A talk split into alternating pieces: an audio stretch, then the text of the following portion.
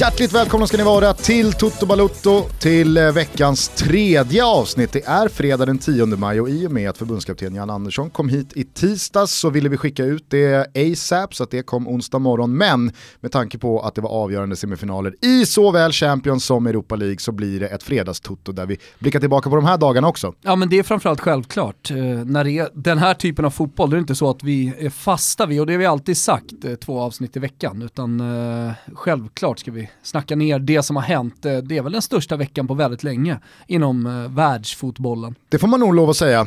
Vi får nog backa bandet till Ryssland och gruppspelsfasen i, i VM förra året mm. för att mm. hitta någonting liknande. Men innan vi berör eh, Europamatcherna här, eh, vad, vad, vad tar du med dig från Janne-sittningen?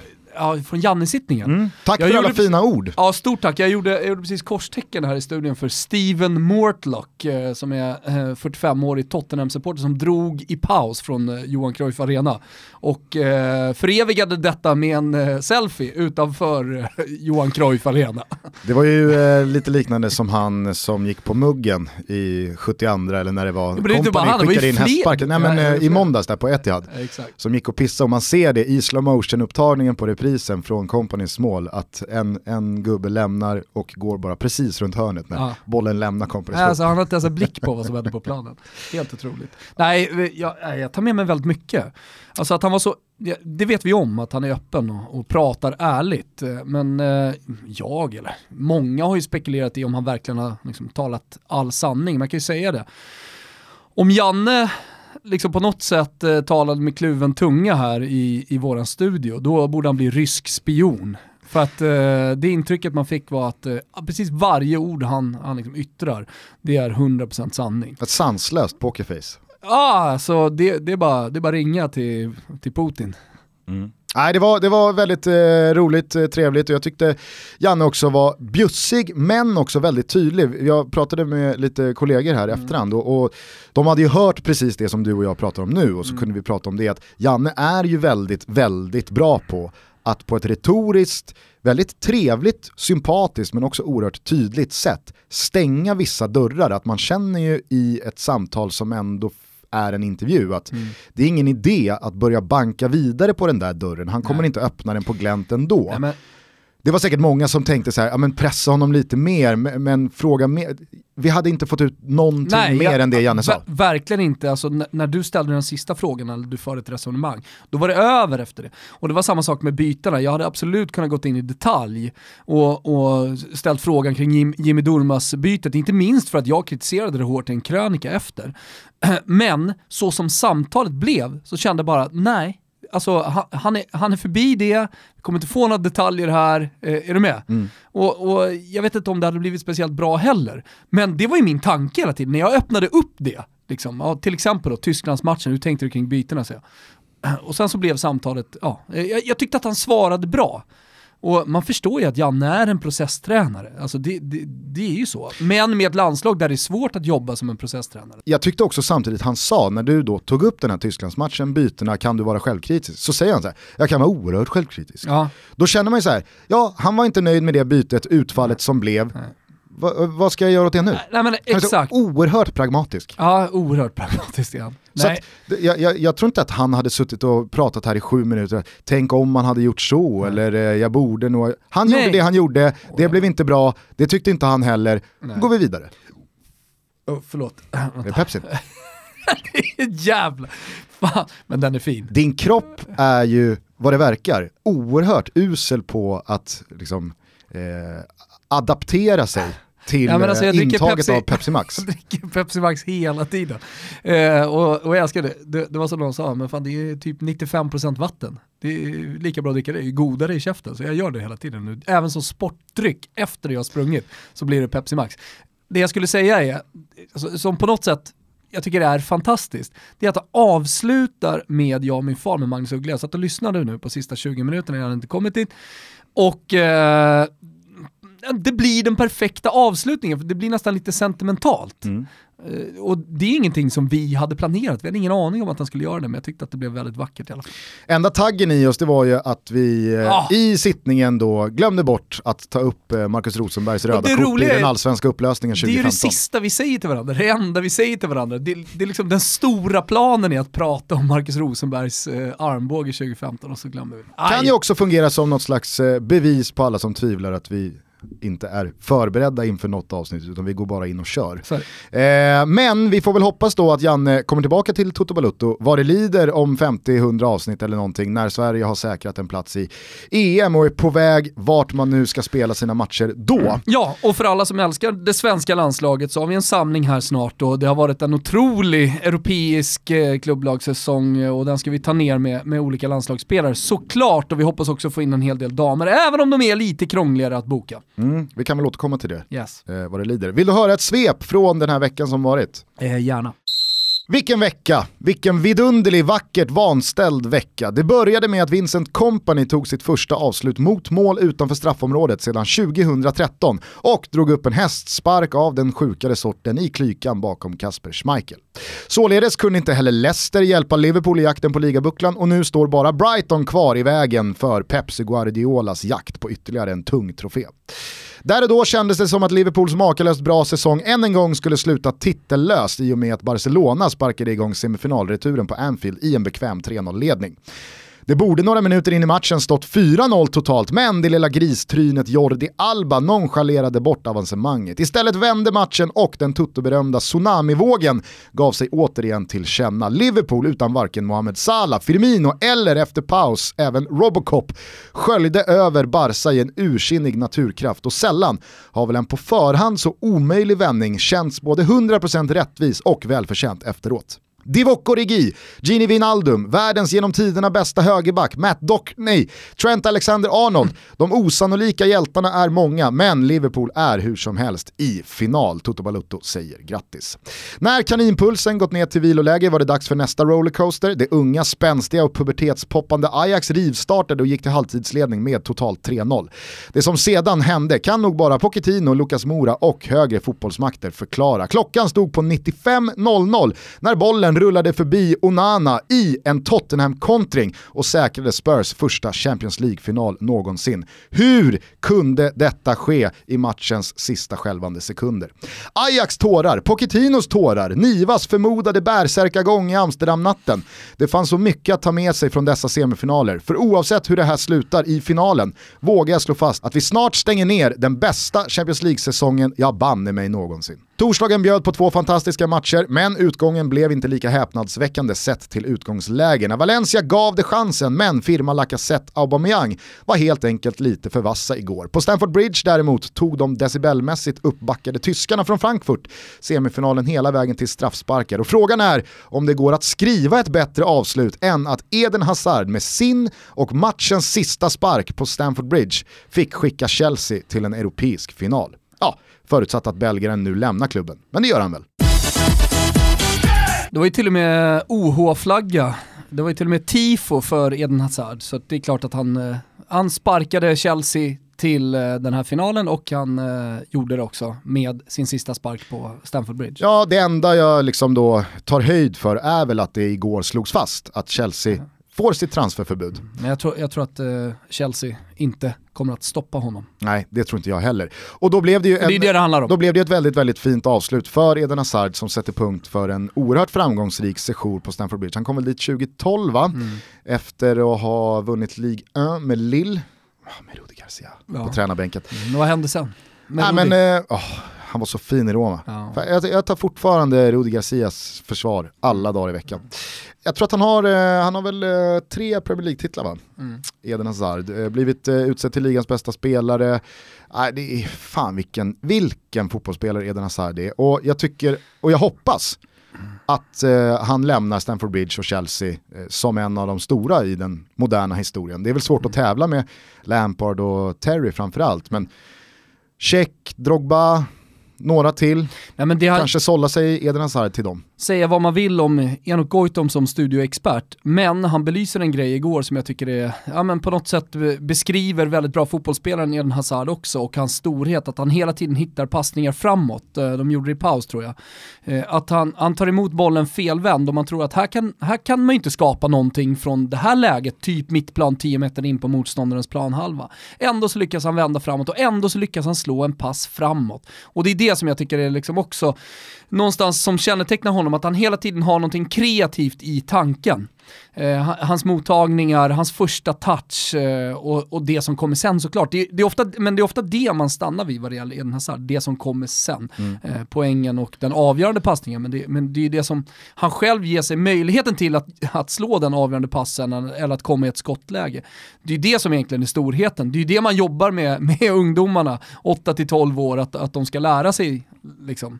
Eh, och det är det som är grunden av fotboll, någonstans. Jag tror att det finns eh vet vad du ska göra när du får bollen och allt det där, liksom, snabb i skallen. Jag tror dessutom att det finns ytterligare en höjd i Eden Hazard i och med att han i Chelsea har spelat i så många olika konstellationer av men, offensivt lag.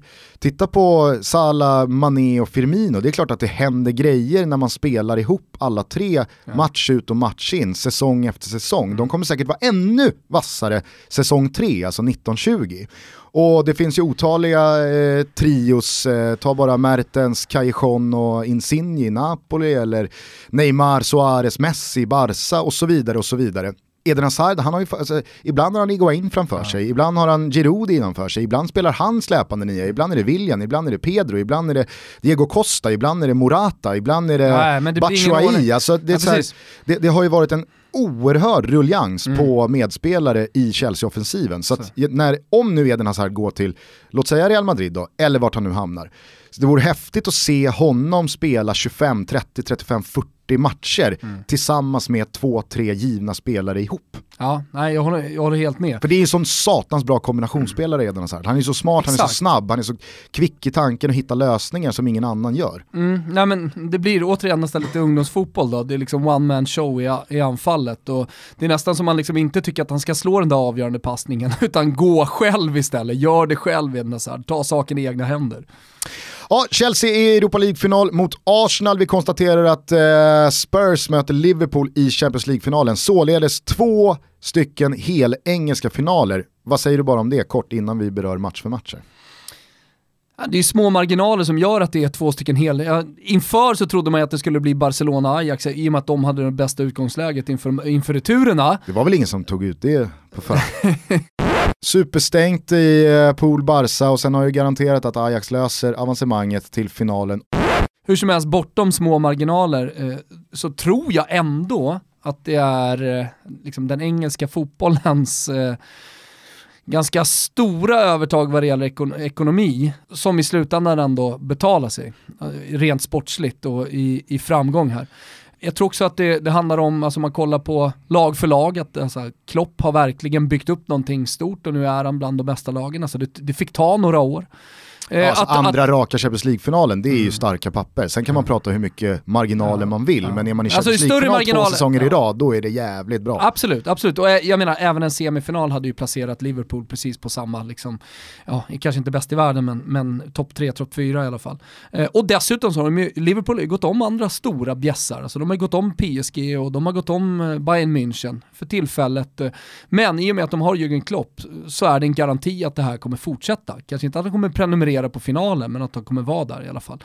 Ehm, och sen, sen, på tal om små marginaler med Tottenham så är det ju liksom ännu, ännu större marginaler. Jag skrev det i min krönika också, jag tyckte att det var Alltså så här, det fanns någon slags logik när man kollade på Liverpool-matchen och det här var min känsla. Eh, det, det, har jag förstått det är viktigt att säga när, när man har sådana resonemang med rivaliserande supportrar som lyssnar till de här lagen. Men min känsla var ändå att på Anfield där fanns möjligheten och man fick också matchen precis dit man ville, man gjorde tidigt mål, man fick upp hoppet. Han hade, han hade ett brandtal i halvtid att fortsätta pumpa in energi i sina spelare, vilket också tycker jag är liksom fundamentalt. Barcelona hade missat det här drömläget när de kom 4 mot 0 i stort sett.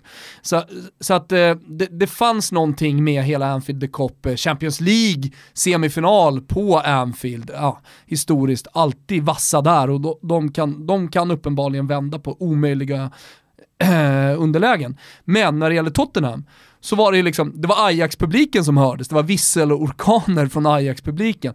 Eh, det, det var en match som liksom, ja, var perfekt för Ajax. Alltså man gjorde första målet, man, man gjorde till och med det andra målet. Eh, och andra halvlek började, även om Tottenham hade bollen, så kändes det, till och med när Lucas Moura gjorde 2-1 och reducerade, kändes det, ja ja, nice för dem. Men Ziyech eller eh, Kasper Dolberg, no, någon jävel kommer ju göra mål här. Alltså det, det är kört för dem, för de måste gå fram för mycket och de kommer blotta sig för mycket i defensiven. De var ju så nära också, eh, Ajax.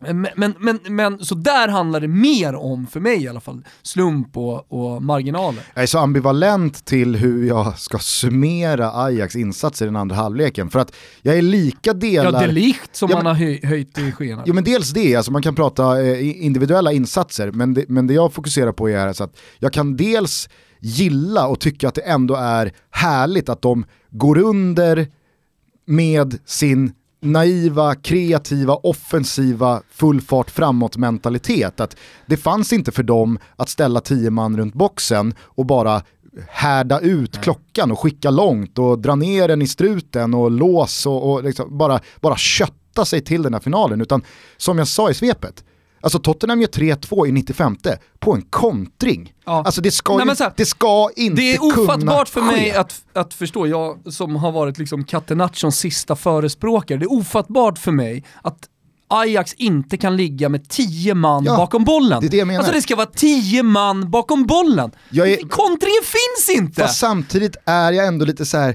fast jag, jag gillar att de inte ens i det läget överger sin filosofi och sitt sätt att spela fotboll. För de finns det inte att stå med tio man och bara spela duell men och pumpa måste, långt. Men man... samtidigt så blir jag precis som du, mm. jag blir också frustrerad och förbannad för att man vill ju bara skrika till dem. Ni schabblar ju bort mm. En historisk Champions League-final som många av er aldrig kommer nå igen. Men det är också anledningen till att de har kommit hit till den här semifinalen med det ja, utgångsläget, att de hela tiden har spelat så här. Alltså ja, det, därför är man ambivalent. Och därför är man ambivalent. Men jag tror så här, hade det här varit ett storlag, hade det här varit Liverpool för två år sedan till exempel, eller det var ju Liverpool för två år sedan, för de gjorde ju samma naiva misstag. Men, som faktiskt hade kunnat behålla sina spelare. Alltså, för det kan ju inte Ajax göra, nu kommer ju alla lämna. Men då hade man ju sett den utvecklingen, då hade vi kunnat sitta här och prata om så här, jo men det är det de måste lära sig till nästa års Champions League, eller hur? Ja, visst. Men, men nu kan vi inte prata om det, i och med att de kommer vara ett helt annat jävla lag. Och då måste ju Ten Hag återigen kom, liksom, trycka på med processen mm. för att då bygga någonting och störa de stora jättarna så som han har gjort under hela den här säsongen. Och det kommer säkert ta två, ett par, tre år om det ens liksom går.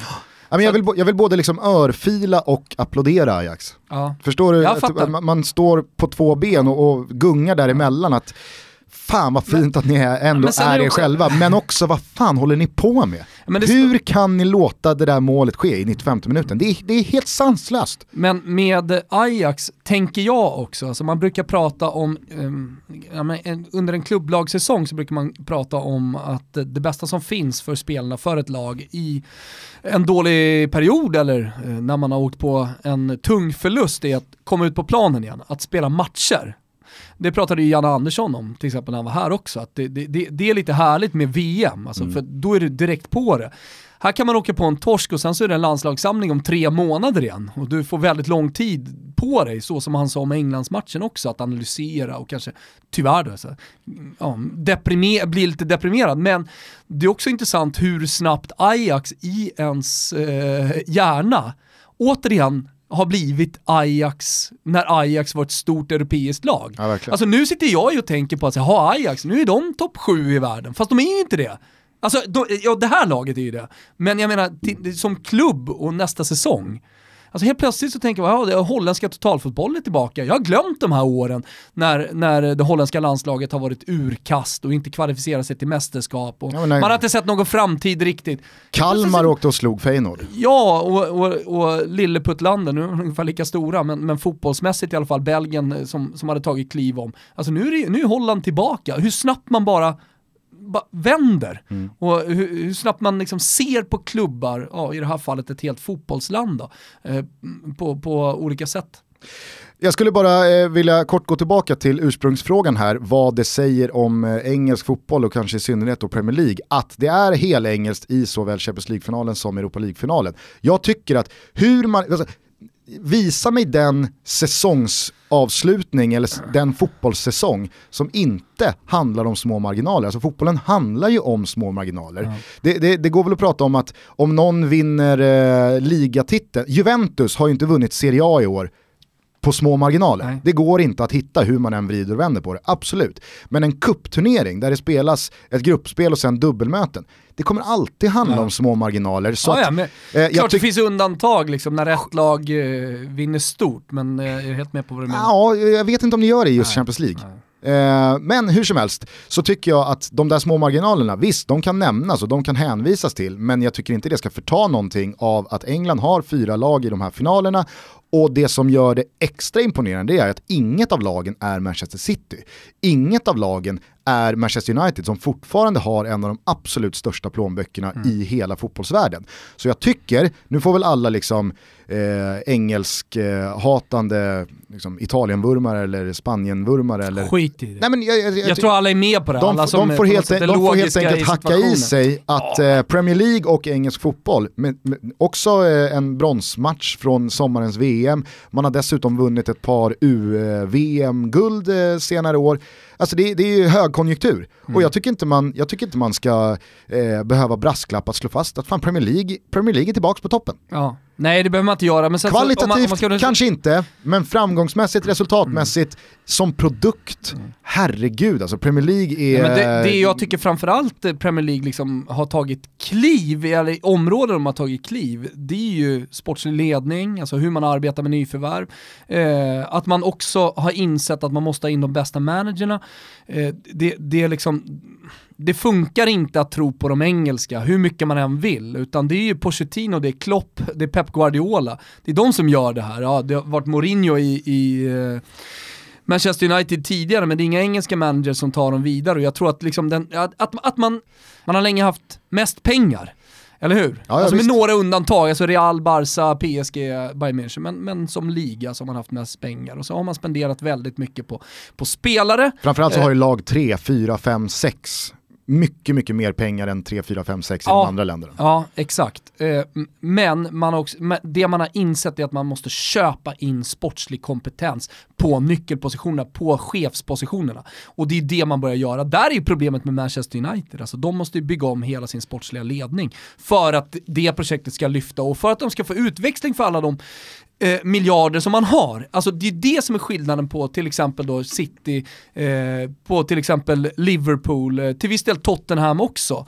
Eh, att, att man eh, i Manchester United fortfarande då spenderar pengar, stora pengar, utan att i, i, egentligen ha en tydlig strategi och plan för hur man ska bygga ett vinnande lag och, eh, alltså, som hela tiden är med och i alla fall prenumererar på en titelstrid.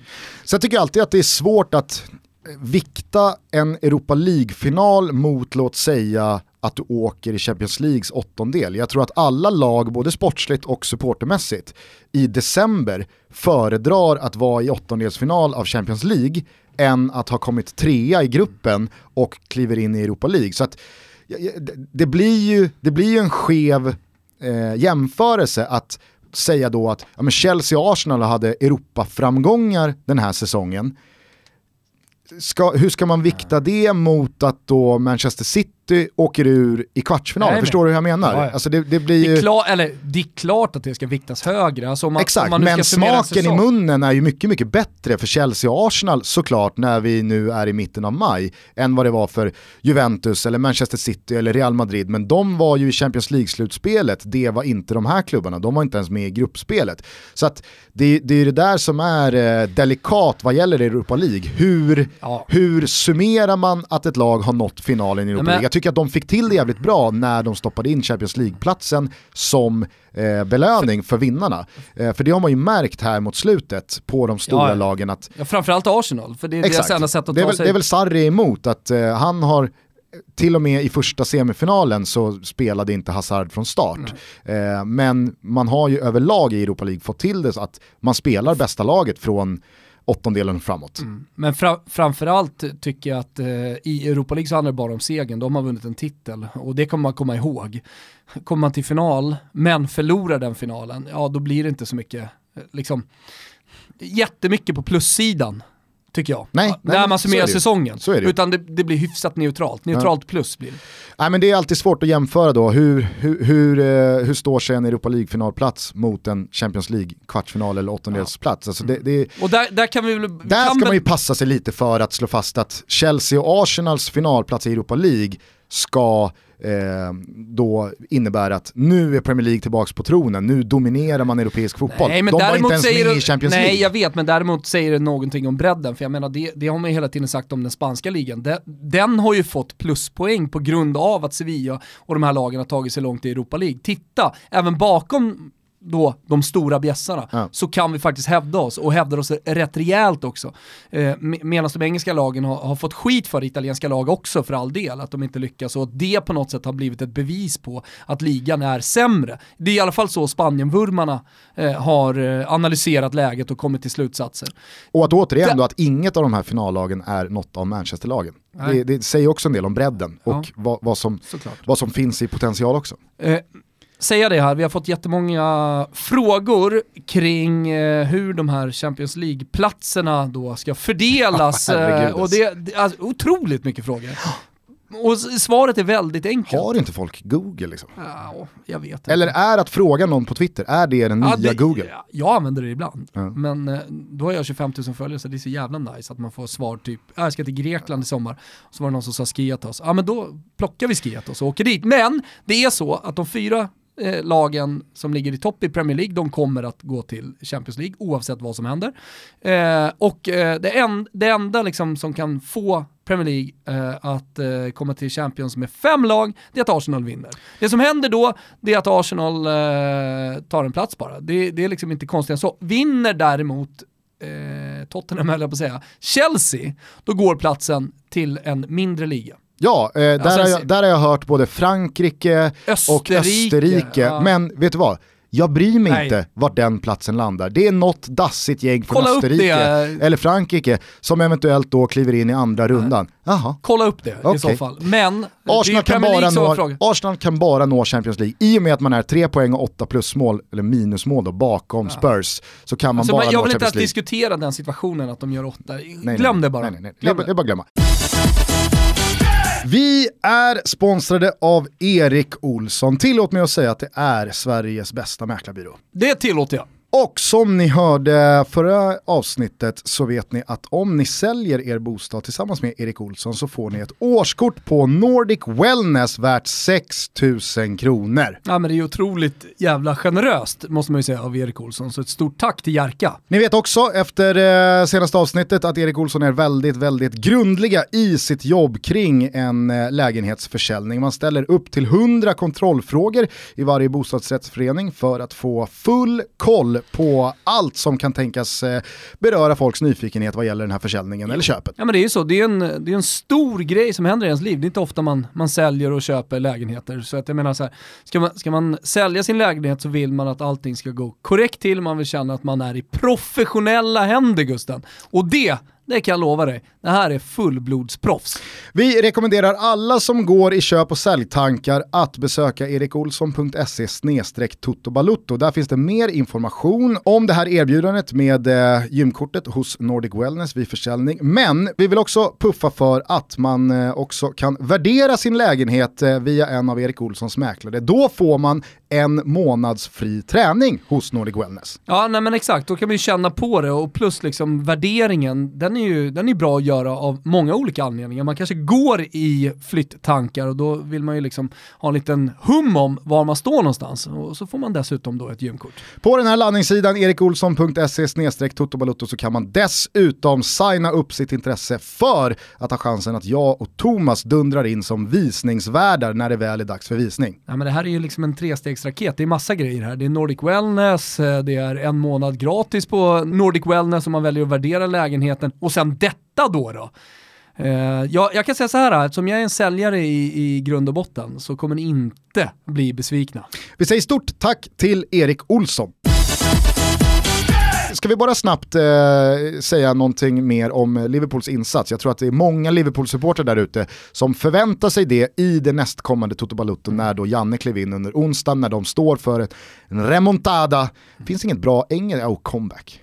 Fast det är inte i närheten för remontada är så fotbollsförknippat. Ja, det är något annat. Eh, på tal om remontada och på tal om hur man ska sammanfatta det här så tycker jag att i alla de här reaktionerna efteråt José Mourinho återigen sa det bäst. Vi kan väl lyssna på hur det lät i Bean Sports studio va? Bean Sports? I told impossible is nothing. I told if it's possible, Anfield is one of the places to, to make the impossible be possible. But I, I have to say that for me, this remontada has one name, Jurgen. I think this is not about uh, tactics, this is not about philosophy, this is about heart and soul and uh, fantastic empathy that he creates with that group of players. Ja, men, eh, han säger det så bra här. So, uh, one name, mm. Jurgen. Jurgen. Jurgen. Jag tycker att han sätter fingret på någonting häftigt i tider av analys, eh, statistik, att man kan mäta precis alla fysiska värden. Det går att bryta ner fotbollen idag till partiklar och beståndsdelar och siffror och ettor och nollor på precis alla plan. Men det finns fortfarande de här mjuka värdena som inte går att mäta, som i slutändan blir tungan på vågen åt det ena eller andra hållet. Och jag tror att Jürgen Klopp är han är bäst i klassen på att uppbringa en tro på någonting. Han är bäst i klassen på att få sina spelare att vilja krama ur de sista dropparna ur varenda trasa mm. man har i verktygslådan. Och, och, det är det inte alla som har och det kan man inte liksom läsa sig till eller plugga sig till eller köpa sig till utan Jürgen Klopp har det... någonting som väldigt många tränare saknar. Jag skulle vilja revidera en sägning. För någon vecka sedan så hyllade jag Max Allegri för att han eh, pratar om fotbollen som en konst och inte som en absolut vetenskap. Eh, och det är det José Mourinho faktiskt är inne på här nu. Eh, att fotbollen faktiskt i slutändan, det här mjuka värdena som du nämner, det är det som blir konsten. Och här har vi det psykologiska spelet, du har ledarskapet från Klopp, eh, du har det som händer på läktarna, att en läktare faktiskt, alltså en hel stadion faktiskt kan få ett lag att överprestera. Eh, ett, I givna lägen i en match så kan faktiskt eh, det som händer på läktarna, sången, stämningen, energin som kommer ner på planen, det kan faktiskt få ett lag att lyfta. Mm. Och, eh, och jag skulle då med alla de här parametrarna, med José Mourinho som stor inspiratör, vilja bara säga det att det är det som är fotbollskonsten. Det är inte bara mest, det är också det individuella, att Hazard gör någonting fantastiskt eller att Messi smäller upp ett skott i krysset. Eller det att Trenten eh, uppfattar det som Där har du ju fotbollskonst som avgör den matchen också. Eh, så jag menar, men ihop tillsammans med det psykologiska spelet som Klopp uppenbarligen är fantastisk på, alltså att få sina mannar att faktiskt tro på det. Det som händer på läktarna, den fantastiska stämningen på Anfield, vilken arena du nu vill. Eintracht Frankfurts eh, supportrar som åker i massor och som fick sitt lag att tro på det hela vägen till det där straffavgörandet på Stamford Bridge. Otroligt! Ett lag som på pappret är mycket sämre. Alltså allt det här tillsammans gör liksom fotbollen till den, en, en stor jävla konstform bara. Och mm. det, det tycker jag att den här veckan verkligen har bevisat. Jag eh, håller med dig där att ibland så kan man få med sig sin arena. Och här vill jag vara tydlig, det finns ju många då Liverpool-belackare som menar på att ja, men Anfield får alldeles för mycket cred i sådana här sammanhang, att det ska vara så himla mycket mer speciellt än på andra håll och kanter. Eh, eh jag kan förstå deras eh, ståndpunkt. Men varför ska man jämföra? Nej jag vet, jag menar bara att så här, eh, nej, så här är det ju inte alltid på Anfield. Klart men ibland kan det uppregas... arenor där det är bättre stämning, bombonera ett jävla derby, Absolut. Maracana någon gång i tiden, eller vad fan vet jag. Och jag säger bara att man, man, kanske inte heller behöver prata om när och var det sker oftare än på andra ställen, utan man snarare kan landa i att ibland sker det. Ja, eh, det, skedde det. På, det skedde på Camp Nou, en annan arena som eh, får väldigt mycket skit för att det i serielunkmatcher är knäpptyst och begravningsstämning och så jäkla tråkigt att uppleva. Men när de börjar hämta mot PSG, då är det klart att de får med sig 98 000 och man känner i hela luften att det här kommer gå. Mm. PSG-spelarna känner nog hela vägen in i ryggmärgen att vi kommer slarva bort det här. Vi har ingenting att sätta Nej, emot. Annan... Titta på Stadio Olimpico för mm. ett år sedan, när eh, Roma gör 2-0 och man vet att nu är det ett mål kvar. Barca kommer inte ur gängerna.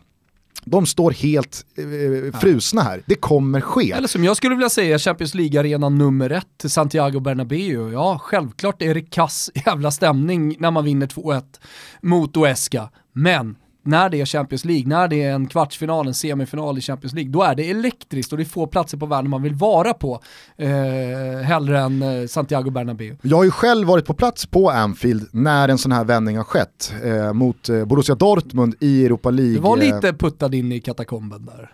Nej men det var ju mot slutet, jag, jag, jag kramades ju med Kolo Touré. Men du fick ju skit när... fick du. fick jag skit? Ja, från läktaren, för att du höll på att filma. Ja men det var ju innan, ja. det var innan där ja. jag filmade You'll Never Walk Alone. Nej, jag, jag vill få det till att det var ett fiasko. Spotloss Gusten Dahlin på Anfield var ett fiasko. Ah. Okej, okay jag, eh, jag var ett fiasko, min arbetsinsats kanske var ett fiasko, men upplevelsen jag hade var inget fiasko. Jag menar bara att där fick jag också uppleva, och det kunde ha varit, alltså den här gången var det Anfield, det kunde varit någon annanstans. Jag vill liksom inte ge det att Anfield är eh, exceptionellt mycket eh, starkare och mäktigare och kraftigare än eh, någon annan arena. Men där kände jag också, de kommer lösa det här. Alla där inne kände att även fast vi just nu i den här sekunden ligger under och det ser mörkt ut, så kommer vi fixa det här. Vi vet inte hur, men det kommer gå. Mm. Och Dortmund-spelarna kände det också, det var en sån här stämning som det är så jävla häftigt att uppleva.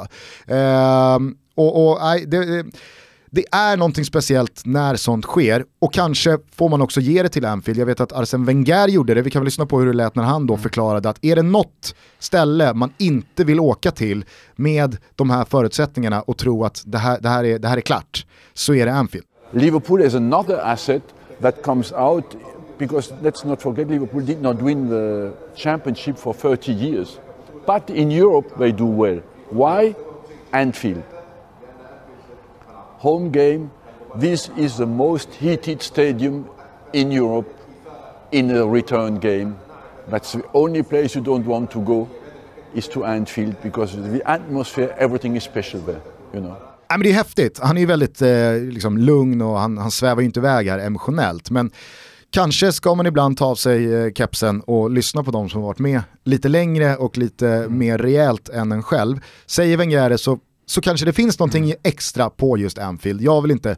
Det är ju lätt du var där! Det är lätt att ryckas med, men du, alltså så här, det kanske är så. Mm. Jag vet inte. Skulle bara vilja säga det, bara slå fast det Gusten, med tanke på ditt fiasko då på Anfield. Alltså du och jag tillsammans, att inget tv-bolag har snappat upp oss två, att det är vi som ska ner på de stora matcherna, göra intervjuerna, härja runt i katakomberna. Det är fan ett underbetyg till, till svenska tv-makare. Det var väl eh, ett mediehus som snappade upp det.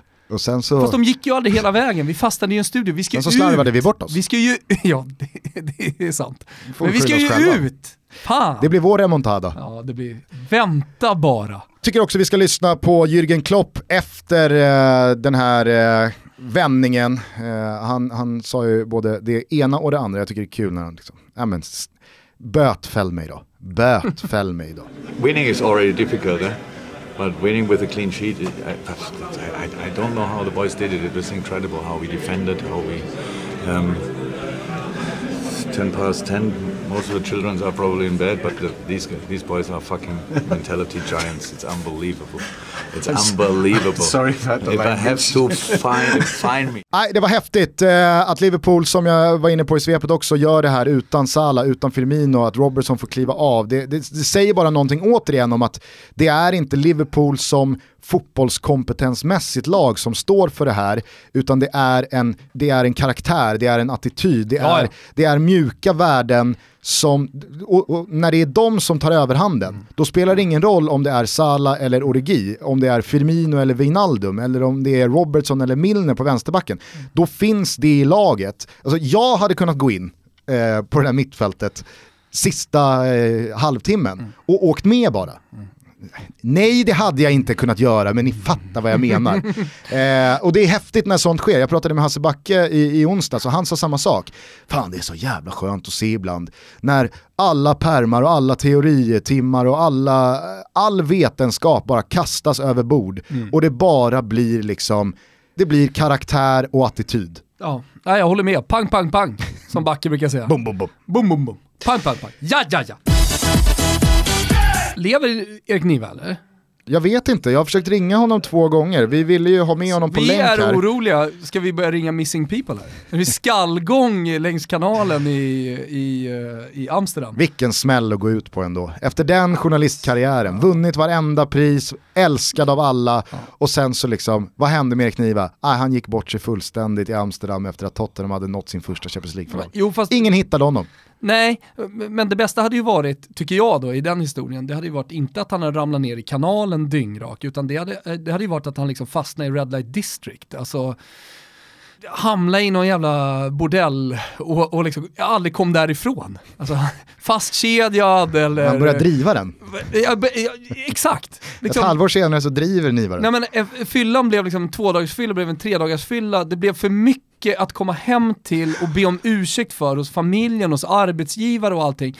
Så han kände, han kände bara, och kanske lite svag mentalt också i det läget, alltså väldigt känslig och, och sådär. Så, så att... eh, Så dyngtorsk i finalen det blir en fjärde fylla, det blir en femte fylla, kvar på den där bordellen, alltså vakna på morgonen, sover, sover i något jävla rum där, blir polare med eh, bordellmamman och det slutar med att han bara tar jobb där, blir kvar.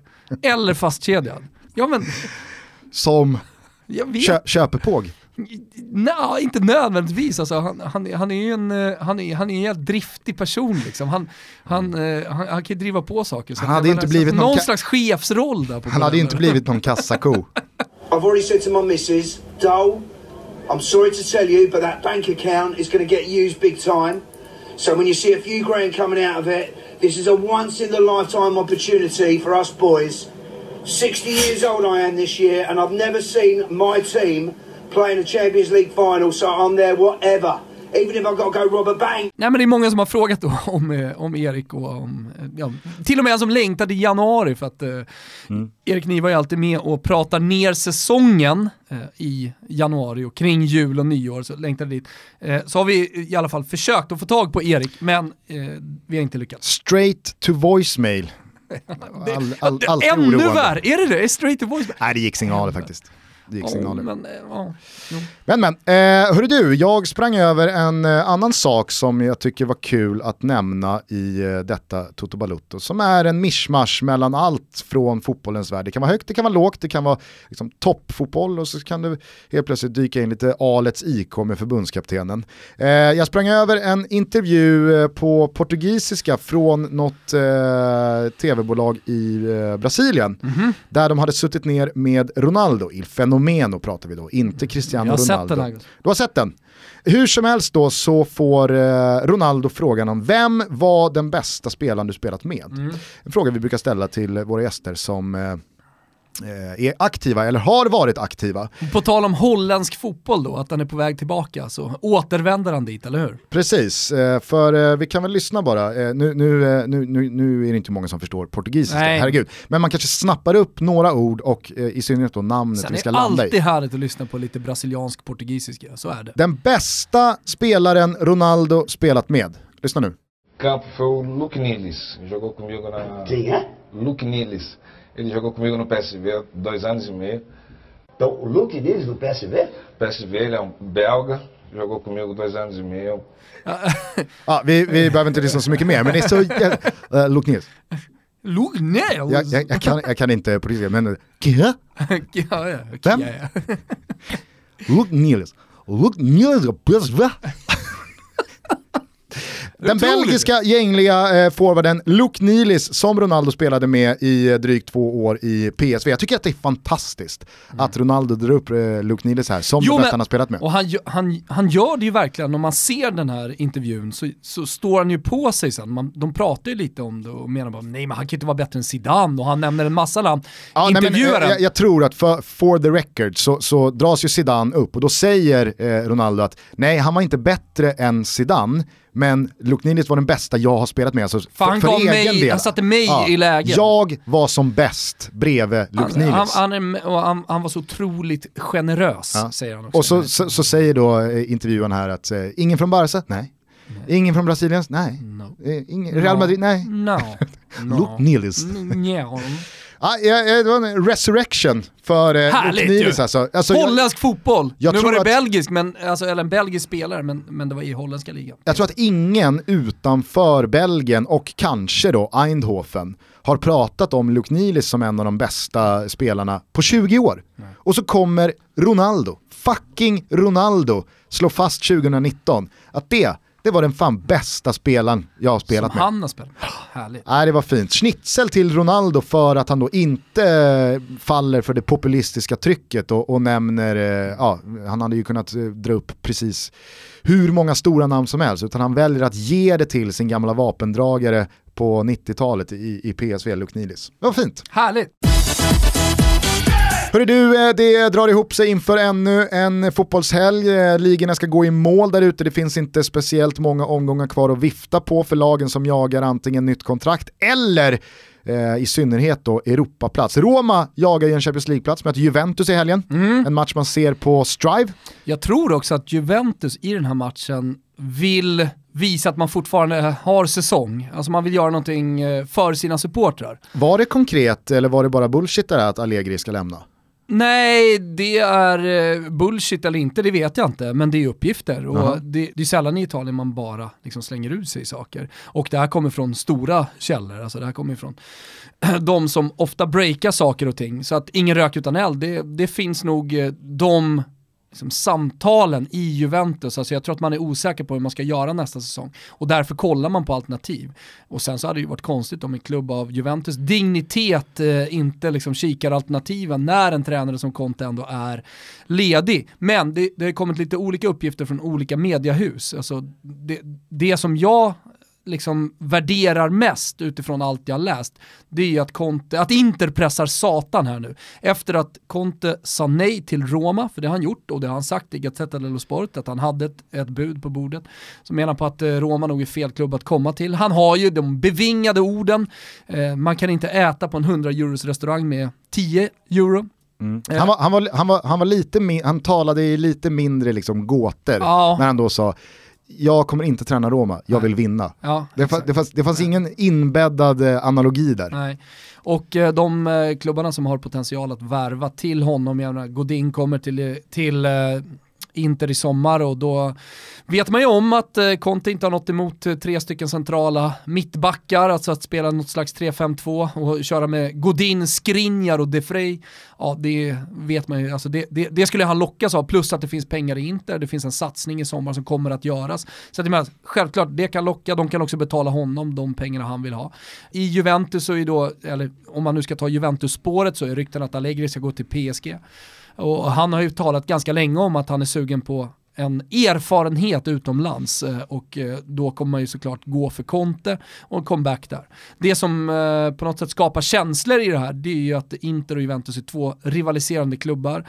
Supporterna hatar varandra, det är därför det finns ett epitet som grundades av en journalist på 60-talet Il Derby d'Italia så får eh, Axel Pershagen, eh, en god vän, eh, och de andra som inte gillar de här derbyna som inte är derbyn, eh, tycka vad man vill om det, men det är stor rivalitet i alla fall bland fansen och att om han skulle gå då till Inter så skulle det förstöra väldigt mycket av hans Juventus-historia.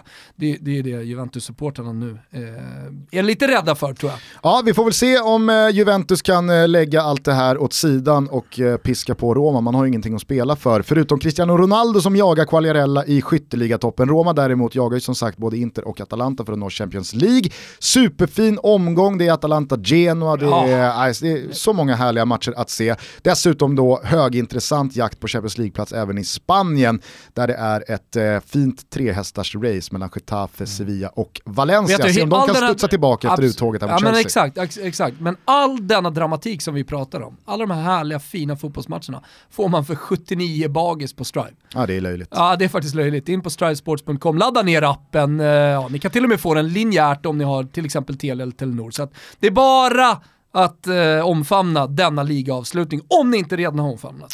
Hörrni, på måndag hörs vi igen. Då blir det ett, eh, vågar jag lova, matigt måndagstutto eftersom vi då vet ifall eh, Pepsi Guardiola fick lyfta den där ligabucklan eller om Liverpool lyckades eh, krama fram ännu ett mirakel ur den här veckan Alltså och den- lösa, lösa trofén. Jag vet, alltså med den veckan som har varit nu så har man helt plötsligt liksom bara öppnat upp sinnena och för precis alla möjligheter in i den här slutomgången.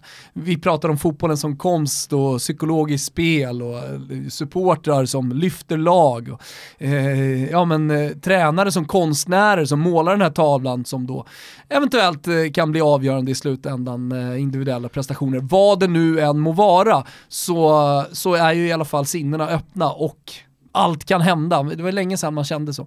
Dessutom ett högintressant eh, Stockholmsderby på Tele2. Gnaget eh, önskar nog att hålla liv i sin obesegrade streak på Tele2 mot eh, Diffen.